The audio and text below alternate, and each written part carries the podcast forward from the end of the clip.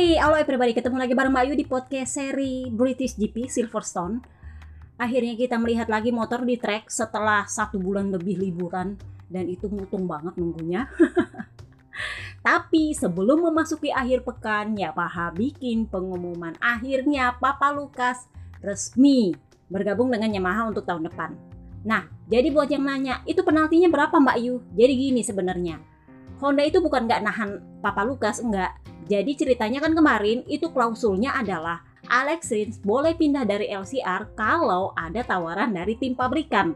Tetapi tim pabrikan Honda menjadi prioritas. Itulah kenapa sebelum memasuki Silverstone kita dengar gosip berhembus sepoi-sepoi bahwa Papa Joan, aka Yuan Mir, itu mengetuk pintunya Grace ini. Padahal di atas kertas dia masih ada kontrak yang fix dengan Honda sampai tahun 2024. Kenapa bisa dia ngetuk pintu Grace ini? Udah gue bilang itu adalah win-win solution. Gimana caranya Honda menahan Papa Lukas dan mereka ikhlas melepaskan Mir. Kenapa? Karena Jordan Rakor, Tuan Putri, agak-agak kalau gue bisa bilang sih main kucing-kucingan antara mau pergi dengan enggak jadi daripada berspekulasi mending mereka cari yang pasti mau pergi aja nah kebetulan Papa Yuan itu pengen pergi jadi diizinkanlah Papa Yohan untuk ngetuk pintunya Grace ini supaya ada seat untuk Papa Lukas naik ke tim pabrikan. Jadi ngerti kan skenario nya. Sayang seribu sayang, Grace ini nggak bisa terima. Why? Karena seat yang tersisa di Grace ini itu adalah seat hak pabrikan Ducati. Mereka udah nggak bisa main-main lagi soal itu. Kenapa? Karena itu adalah syarat yang diajukan oleh Ducati ketika mereka sepakat memperpanjang kontrak. Jadi Ducati udah mengingatkan, eh Grace ini lu jangan lagi main-main dengan seat jatahnya pabrikan nggak bisa. Nggak bisa kayak kemarin lu main belakang aja, main-main terima Alex Marquez tiba-tiba. Nggak pakai pamit-pamit. Udah diingatin sama Ducati. Jadi meskipun Grace ini misalnya pengen terima Papa Yohan nggak bisa tanpa persetujuan Ducati. Udah gue bilang di podcast yang lalu, listnya Ducati paling atas itu adalah Morbidelli jadi kalaupun ada yang mau didepak dari Grace ini, maka itu wajib punyanya Morbidelli. Atau opsi lainnya yang merupakan skenario favoritnya Ducati adalah best dilepas ke Pramac yang memang sebenarnya Ujo nggak mau tapi mau nggak mau Morbidelli masuk di Muni VR46 Nah, Grace ini, ini seatnya jelas juga bukan untuk Papa Yohan. Sudah ada ngantri Tony Arbolino sama Johan Sarko. Kenapa Johan Sarko, Mbak Yu? Jadi gosip sepoi-sepoi sebenarnya Papi Peripuik itu mengajukan dan merekomendasikan Iker Lekona which is belum ada kabar di WSBK. Dia nggak tahu apakah diperpanjang, apakah digimanain, nggak tahu. Itulah kenapa Papi Puripuik mencalonkan Iker Lekona untuk menempati seatnya Alex Rins. Kenapa? Karena ini anak pantang mundur kalau menurut gua. Pantang mundur dan emang bener-bener mendedikasikan profesionalismenya untuk mengendarai motor Honda. Nah, sementara Sarko adalah pilihan yang lebih baik. Kenapa? Karena dia punya latar belakang Ducati, which is adalah pabrikan terkuat di MotoGP saat ini. Jadi kalau lu ambil Sarko, ada kemungkinan lu bisa nyuri-nyuri sedikit nih rahasianya Ducati, bener nggak? Terutama karena Sarko itu naik motor pabrikan. Si? Opsi lainnya adalah Morbidelli. Nah ini yang kemungkinan besar di veto sama Papi Perpuik no. karena dia punya latar belakang VR46 yang memang Puik yang ya you know lah ya. Karena dia kan bumpernya Tuan Putri Makes itu memang no no no no. Jadi mereka sebenarnya lebih setuju kepada Sarko. Nah gimana dengan Sarkonya? Jadi gini Ducati itu nawarin seat grace ini untuk Sarko. Kenapa? Karena memang Marco Bes layak untuk promosi dan itu juga sedikit mengurangi biayanya Ducati. Jadi gini, kalau kalau misalnya Marco Bes dikontrak oleh pabrikan di Muni VR46 plus Morbidelli dikontrak oleh pabrikan di Gresini, sementara duo Pramac dan duo tim pabrikan Ducati itu dikontrak juga sama pabrikan, otomatis ada enam rider di bawah kontrak pabrikan Ducati. Banyak duit yang keluar di situ, Kak. Kalau skenario nya diubah, Best naik ke Pramac, Morbidelli masuk ke VR46, otomatis Ducati nggak perlu kontrak dia, bener? Dia ada di bawah kontraknya Muni VR46 dong, bener? Jadi Sarko kalau misalnya dia mau masuk di Grace ini tetap ada di bawah kontrak pabrikan Ducati. Otomatis duo Pramac, duo tim pabrikan plus Sarko 5 rider di bawah kontrak pabrikan. Jadi agak ringan lah biayanya Ducati. Nah Sarkonya gimana? Mau apa enggak? Sarko bilang kayak gini. LCR itu memang menantang. Karena memang Cesinello itu memang menerima tawaran dari Tony Arbolino memang juga. Tapi ciri khasnya LCR itu adalah rider pengalaman. Mereka nggak mau terima rookie. Jadi memang Arbolino otomatis no di sana. Mereka lebih memilih Sarko kalau bisa memilih Sarko. Nah, Sarkonya gimana? Sarkonya bilang gini, ya memang LCR itu adalah sebuah tantangan, terutama karena dia dijanjikan gaji yang lebih tinggi daripada di Grace ini, satu. Kedua, otomatis motor pabrikan.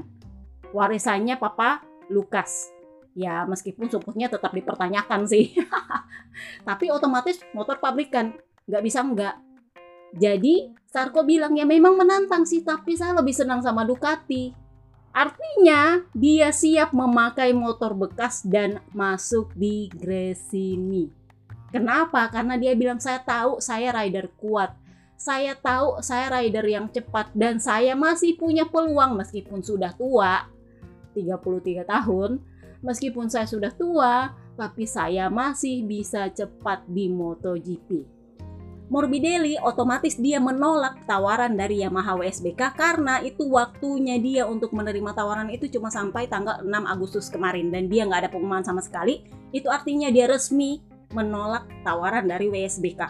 Itu dia ditawari kalau kalian dengar podcast gue sebelumnya itu ditawari 1 juta euro per tahun sebenarnya tapi kemarin tawaran itu naik jadi 1,5 jeti euro per tahun dan itu masih ditolak sama Morbidelli.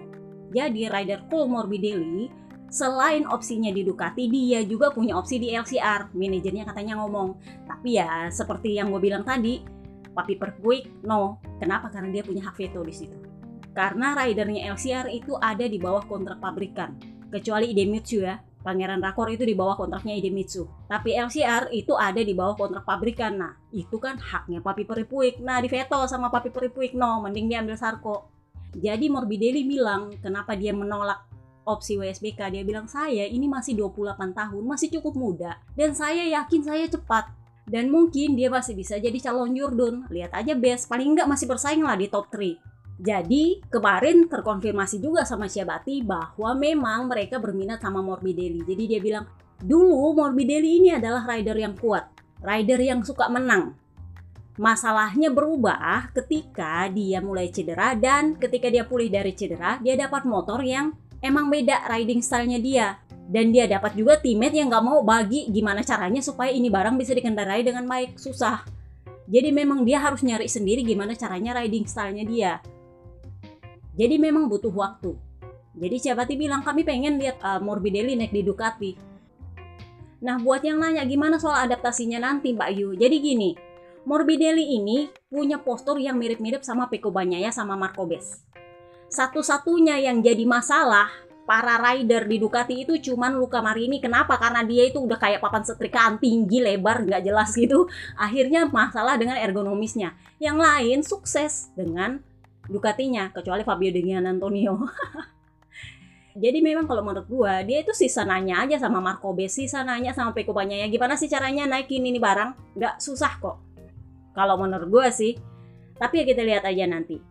Jadi skenario terbaik yang menurutnya Ciabati gosip sepo-seponya itu yang dia mau adalah satu Marco Bes naik ke Pramac which is dia nggak perlu repot-repot untuk mengontrak 6 rider karena Morbidelli sudah pasti akan ada di bawah kontraknya Muni VR46. Sementara seat untuk Gresini itu adalah untuk Sarko. Kenapa? Karena Ciabati masih suka sama Sarko sebenarnya. Tapi ya kembali lagi, Sarkonya mau apa enggak. Kenapa? Karena dia punya opsi ke LCR, which is Honda pengen juga ambil dia. Jadi kalau Sarko terima tawaran untuk ada di Gresini, dia akan ada di Gresini, otomatis Tony Arbolino nggak ada seat. Tapi kalau dia pindah ke LCR, maka itu sih bakal Tony Arbolino yang ada di urutan kedua list pendatang baru Ducati. Oke? Lalu Pedro Acosta apa kabar? Nah, ini dia nih. ini dia nih yang perkara. Jadi Stefan Pirer itu sang bos besar KTM itu agak-agak bingung bin pusing tujuh labnya Red Bull Ring lah dia. Jadi kayak gini, dia itu sebenarnya sudah lobby Grace ini. Jadi Stefan Pirer itu bilang kayak gini. Sebenarnya kami sudah menghubungi Grace ini di seri Lemang kemarin di Perancis. Karena Grace ini adalah satu-satunya tim satelit yang habis kontrak tahun ini dan harus perpanjang untuk tahun depan. Tetapi waktu itu nggak ada jawaban dari Nadia Gresini. Dua minggu kemudian muncullah kabar bahwa mereka sudah sepakat sama Ducati untuk memperpanjang kontrak. Oke? Okay? Jadi memang waktu itu kalau kalian dengar podcast gue di seri Sasene ya, kalau nggak salah gue bilang bahwa Ciabati mengkonfirmasi mereka sedang dalam tahap akhir perpanjangan kontrak dan kemungkinan akan diumumkan di Silverstone waktu itu. Tetapi Faktanya sampai di Silverstone belum ada pengumuman. Sepertinya masih gontok-gontokan soal rider. Jadi si Stefan Pirer bilang, dua minggu setelahnya ada kabar bahwa mereka sepakat untuk memperpanjang kontrak. Jadinya kami teleponlah LCR. Bukan mau bujuk-bujuk mereka, enggak. Cuman mau nanya kira-kira situasi kontrak lu gimana tahun depan. Nah, Lucio bilang, masih ada kontrak buat tahun depan jadi nggak bisa pindah dan Lucio emang sudah clear bilang kami nggak bakal pindah dari Honda meskipun kontraknya habis. Nah sementara RNF itu sudah kadung sama Aprilia dan kami nggak ada niat untuk mengambil mereka karena dia tahu kondisi keuangannya RNF ini adalah tim satelit yang paling nggak kalau gue bisa bilang disubsidi penuh mungkin ya sama Aprilia. Kalau kalau nggak bisa dibilang ada sedikit andilnya mereka bisa dibilang subsidi penuh. Sementara kalau Grace ini ya mereka ada subsidi tapi nggak full karena ada satu seat yang memang itu adalah milik tim satelit. Kalau RNF itu dua-duanya dikontrak sama Aprilia. Jadi memang Stefan Pirer nggak terlalu berminat sih sama RNF yang dia minat itu adalah Grace ini sama LCR nah Perkaranya lagi adalah dia nggak mau lepas satupun ridernya.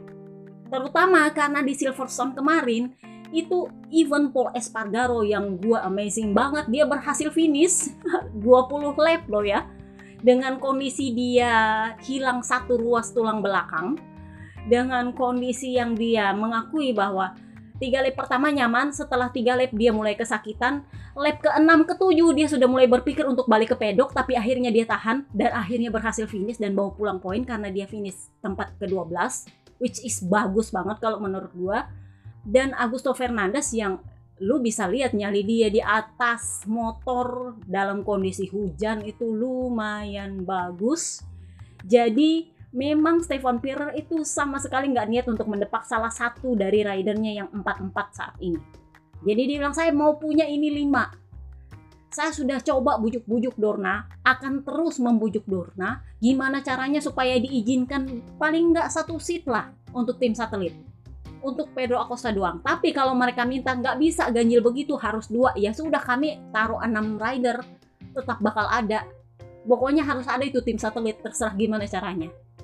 Tetapi Dorna punya bukan ketentuan sih kalau menurut gue itu sebenarnya cuma rencananya Dorna adalah mereka nggak akan kasih dua seat itu untuk tim satelit maunya adalah tim pabrikan. Sementara Stefan Pirer ya memang ada opsi untuk bikin pabrikan baru. Gas-gas gas-gas itu adalah pabrikan sendiri di bawah grup mereka. Tetapi itu artinya mereka harus keluar dana untuk bayar royalti plus bikin motor baru untuk gas-gas Sementara dia pengennya Pedro Acosta itu naik motor KTM. Jadi memang beda kepentingan. Nah akhirnya Stefan Pirer bilangnya begini. Intinya adalah ada satu satelit yang habis kontraknya tahun depan. Dan ada satu pabrikan yang kebanyakan satelitnya. Jadi kita berstandar dari situ. Jadi gua nggak tahu apakah niatnya adalah untuk memaksa Gresini cerai dari Ducati yang memang sebenarnya kalau menurut gua itu yang dimau oleh Muni VR46 karena mereka nggak mau banget masuk ke Yamaha. Mending Grace ini yang keluar. Bener nggak? Jadi kemungkinan mau dipaksa cerai Grace ini dari Ducati atau win-win solution bujuk-bujuk Dorna gimana kalau Grace ini satu seat KTM satu seat? Adil bener? Ini seperti Idemitsu sama LCR di Honda, cuman bedanya adalah mereka satu pabrikan. Nah, ini kasusnya adalah beda pabrikan, jadi satu-satu kalau emang nggak mau bikin tim baru maunya gitu maunya KTM jadi ya kita lihat bujuk-bujuknya akan seperti apa oh ya reaksi para tuan putri soal kepindahan Papa Lukas. Jadi Snake Taro ini sudah memperkirakan bahwa memang Papa Lukas bakal pindah dari Honda. Jadi dia bilang ya saya memang agak aneh perasaan saya bahwa saya akhirnya ganti teammate karena selama ini teammate saya memang cuma Morbidelli. Uh, tetapi saya merasa mungkin dia akan membantu pengembangan M1 karena dia adalah salah satu rider yang bekerja di tiga pabrikan di tiga tahun terakhir. Jadi habis dari Suzuki tahun lalu, tahun ini dia di Honda, tahun depan dia di Yamaha. Jadi menurut dia ya punya banyak informasi lah, ada gunanya mungkin nanti. Sementara Mark Marcus mulai nih nyinyi Jadi dia bilang, kayaknya kemarin kan dia sendiri yang bilang bahwa Honda nggak seburuk itu. Kalau memang nggak seburuk itu, kenapa dia pindah? Karena Mark Marcus sama Johan Mir ini merasa sedikit dipermalukan dengan kata-katanya Papa Lukas yang bilang, ah, bagi saya Honda nggak seburuk itu. Jadi dia bilang, kan dia sendiri yang bilang Honda nggak seburuk itu, kenapa dia pindah? Jadi ya Papa Lukas sendiri bilangnya kayak gini, saya bukannya nggak punya pilihan lain, tetapi masalahnya adalah saya sangat kurang support di Honda. Sebenarnya saya nggak masalah di tim satelit asal saya dikasih support. Nah ini masalahnya saya nggak dikasih support. Masih ingat perkara sasis Kalex yang sama sekali belum pernah dia coba sampai sekarang. Jadi dia bilang kalau saya dia mahal karena saya adalah tim pabrikan ya otomatis saya akan dapat support. Itu yang saya cari. Kurang lebihnya sih seperti itu. Makanya dia memilih untuk pindah daripada dia bertahan di LCR nggak dapat support ala-ala anak tirinya papi peripuik gitu kan daripada makan hati mending pindah menurut dia. Ya masuk dia akal sih tapi kita lihat lah akan seperti apa pengembangan dia di Yamaha tahun depan. Ada beberapa jurnal yang taruhan bahwa mungkin dia bisa menang di atas M1 uh, eh, kemungkinan besar iya. Kalau dia bisa menang otomatis pengembangan itu akan pindah dari Snake Taro ke Rins nah kita pindah ke British GP di British GP ini mulai berlaku aturan baru mengenai prakualifikasi dan aturan batas minimal tekanan ban. Jadi ada batas tekanan ban, kalian mundur aja ke podcast terakhir kalau mau lihat aturan tekanan bannya seperti apa. Beberapa rider lumayan nggak terbiasa, tapi ya mau nggak mau daripada daripada gitu kan. Untungnya adalah nggak ada yang ukur itu tekanan ban selama balapan. Jadi waktu mulai start itu diukur semuanya memenuhi syarat, tapi selama balapan kan itu minimal jaraknya setengah balapan. Itu nggak ada yang ukur. Jadi kalau di sprint race minimal 5 lap, kalau di full race minimal 10 lap, nggak ada yang ukur. Jadi ya menurut gue mungkin itu sebagai uh, sebagai sebuah contoh mungkin ya. Kira-kira contoh kasusnya kalau hujan seperti apa, kalau panas seperti apa. Karena itu kan kemarin di full race kan dia mix, jadi nggak bisa dicampur aduk wajar kalau ada turun tekanan. Kenapa? Karena kan suhu trek mendingin ditambah lagi hujan ya mau nggak mau turun tuh tekanan ban lu nggak bisa maksa, bener nggak? Jadi kemungkinan karena kondisi flag to flag itu akhirnya nggak ada yang mengukur tekanan ban selama setengah balapan. Tapi ya kita lihatlah nanti di Austria apakah masih akan diterapkan aturan yang sama dan kali ini akan diukur atau gimana. Nah, di Silverstone kemarin juga kita bisa melihat pabrikan-pabrikan mana yang mengerjakan PR musim panas mereka. Jadi kemarin Aprilia turun dengan aero baru, Yamaha turun dengan aero baru, Honda turun dengan aero baru. Tapi yang pakai baru Nakagami. So far yang paling berhasil adalah Aprilia. Jadi kemarin memang di tes Misano itu Savadori sempat menguji sasis baru gua nggak bisa bilang full karbon tapi sepertinya sebagian besar karbon. Jadi ada kan yang 20%, 30%. Tapi kalau dilihat dari penampakannya kalau bukan full ya berarti paling enggak 75-80% karbon. Uh, yang terakhir pakai sasis karbon seperti ini adalah Ducati zamannya Casey Stoner udah lama banget dan dipilih kembali oleh Aprilia. Gua nggak tahu apakah pertimbangannya adalah untuk mengatasi charternya apa gimana tapi aeronya tetap dipakai di Silverstone kemarin dan itu lumayan bagus kalau menurut gua kalau kalian lihat even Papa Alice itu lumayan bagus loh di full race bayangkan dia mulai dari belakang P16 kalau gua sih duanya mungkin dia pakai KW1 juga sih tapi terlepas dari KW1 atau KW2 taruhlah papa kembar pakainya KW2 tetap bagus tetap bertahan bannya sementara Ducati mulai keteteran ini adalah penyakitnya Pekobanya ya kalau gue lihat-lihat di musim ini. Kalau dia udah mendominasi lama, biasanya dia disusul. Kayaknya mulai dari tahun lalu deh ya. Kalau dia udah mendominasi lama, dia biasanya disusul. Dan itu kalau sudah diserang di lap terakhir, susah buat dia melawan lagi. Jadi ya menurut Peko masih terlalu dini untuk mendeteksi apakah ini kelemahannya Desmo GP23 atau gimana. Tapi diakui bahwa memang papa kembar itu cepet banget. Waktu di lap terakhirnya dia bilang saya itu sudah limit banget itu ban udah habis, udah nggak bisa ngelawan lagi. Jadi udahlah saya kasih dia dia memang layak untuk menang.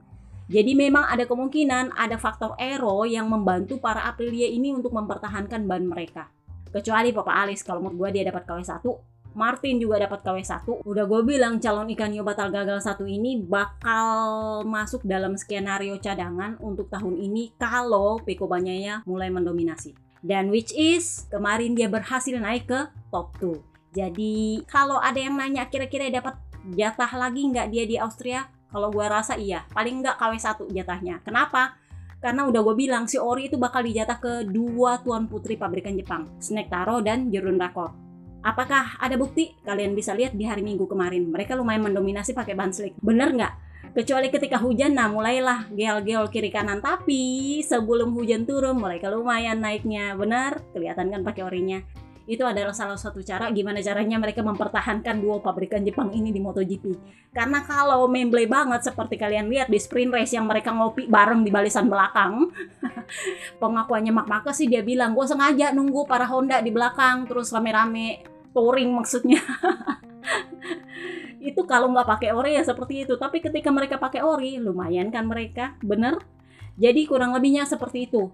Siapa yang dapat apes? Marco Bes. Kenapa? Jadi dia bilang kayak gini. Saya itu sebenarnya memang mengalami beberapa kali front lock. Jadi ban depannya itu terkunci tapi saya selalu berhasil mengatasinya. Nah, ketika saya sebelum crash itu saya memang mengalami front lock, tapi saya berhasil merilis. Karena saya sudah rilis dan saya kesedot sama Peko ya, jadinya lebih cepat karena saya merasa lebih cepat hasil kesedot sama Peko ya, saya ngerem lagi. Tapi di situ udah nggak bisa.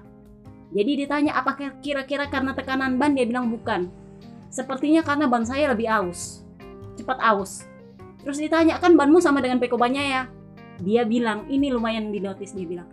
Ya memang kadang-kadang ada beberapa ban yang lebih cepat aus daripada yang lain. dia sambil ketawa.